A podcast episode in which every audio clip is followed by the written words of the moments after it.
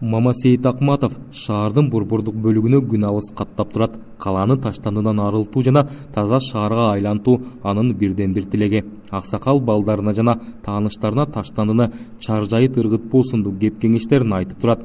Ушул сыяктуу түшүндүрүү иштери массалык түрдө колго алынса калаа көчөлөрү таштандыга толмок эмес деп кейит акматов. Таштандылар көп. Бардак баары жерде негизи кыска эле таза эмес да шаар таза. Э, мынабу жаңы жылдан баштап жаңакы закон күчүнө кирип э, таштандылар таштоо боюнча күчүнө кирди. Бирок ар бир элдин психологиясы аң сезим начар да бизде. Каалаган жерге таштабайбыз таштай турган таштандыларга таштаганды билбейбиз жалал абад шаарында эки миң он бешинчи жылы шаардык кеңештин депутаттары тарабынан шаар аймактарын абаттоо жана жашылдандыруу эрежелери программасы кабыл алынган. Бул программа калааны таштандыдан арылтуу жана жашоочулардын көз карашын өзгөртүүгө багытталган.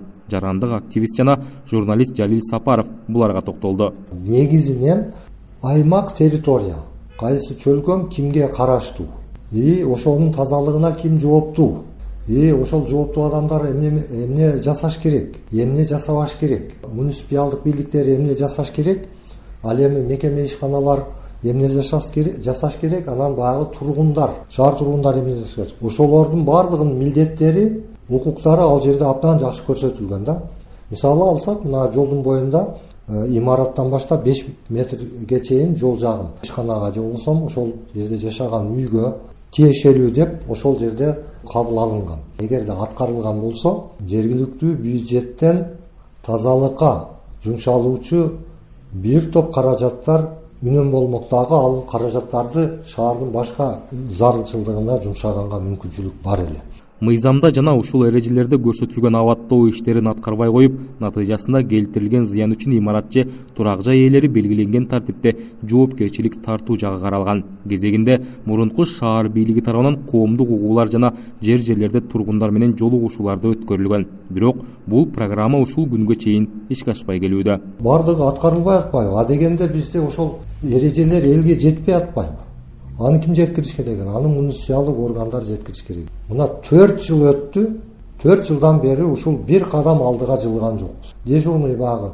иш чараларды өткөрүп эле калып калып атабыз үч айлык көрктөндүрүү жашылдандыруу тазалык үч айлыгын жарыялайбыз. Анан кийин болду ошону менен бүттү.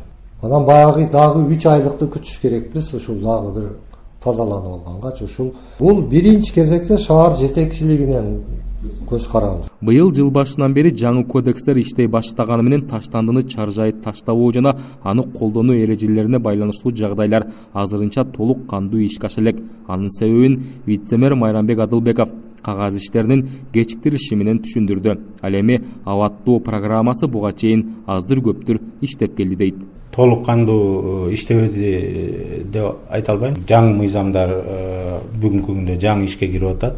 Аны ишке ашырууда дагы кыйынчылыктар болуп атат. Аны жашырбайбыз ошо абаттоо жообосунда конкреттүү түрдө э, мынча сомдук штраф же болбосо мындай тартиптүү чара көрүлөт деп көрсөтүлгөн эмес.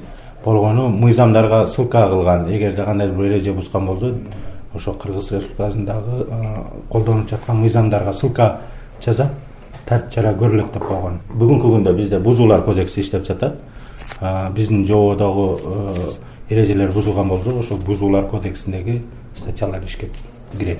Шаардыктардын пикиринде калаада таштанды маселеси азырда орчундуу бойдон кала берүүдө. Тазалоо иштерин тазалык жана жашылдандыруу көрктөндүрүү чарбасы болуп эки ишкана алып барат. Жылына бул тармакка жыйырма миллион сомдон ашык каражат бөлүнөт. Руслан калматов азаттык жалал абад облусу